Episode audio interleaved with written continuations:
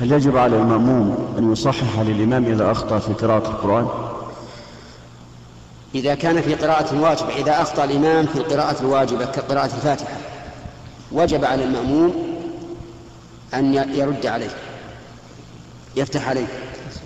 وإذا كان في قراءة المستحبة نظرنا فإن كان يحيل المعنى وجب عليه أن يرد عليه وإن كان لا يحيله لم يجب